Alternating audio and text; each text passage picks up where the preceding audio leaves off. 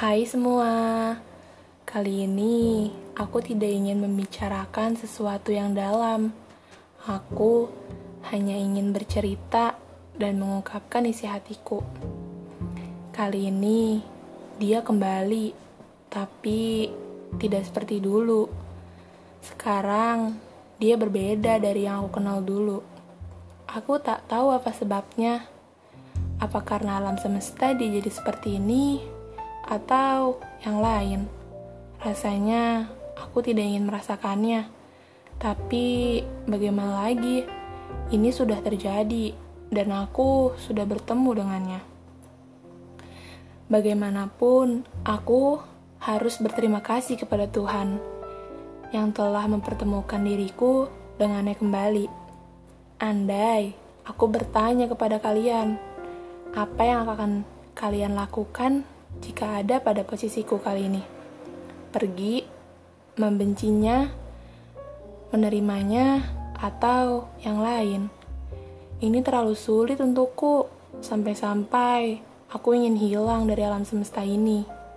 Tapi aku sadar, jika dia kembali, berarti Tuhan sayang denganku. Ya nggak sih? Apa aku aja yang berpikiran seperti itu? Atau ini takdir? Atau yang lain, aku tidak tahu apa rencana Tuhan selanjutnya setelah aku bertemu dengannya.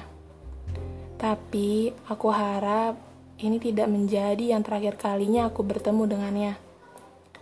Aku ingin bertemu dengannya hingga Tuhan mengambil nyawaku.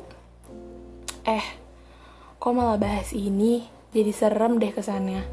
Tapi mau bagaimana lagi? Ini udah rencananya. Ya enggak, aku senang Tuhan mempertemukanku dengannya, walaupun dia berbeda. Tapi tak apa, itu sudah membuatku senang.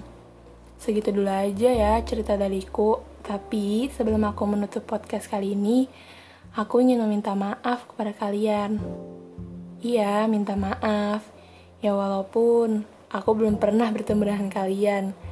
Aku ingin minta maaf pokoknya. Kan tidak ada yang tahu, bisa saja aku berbuat salah kepada kalian. Jadi, bagaimana? Kalian memaafkanku? Bila iya, aku sangat berterima kasih.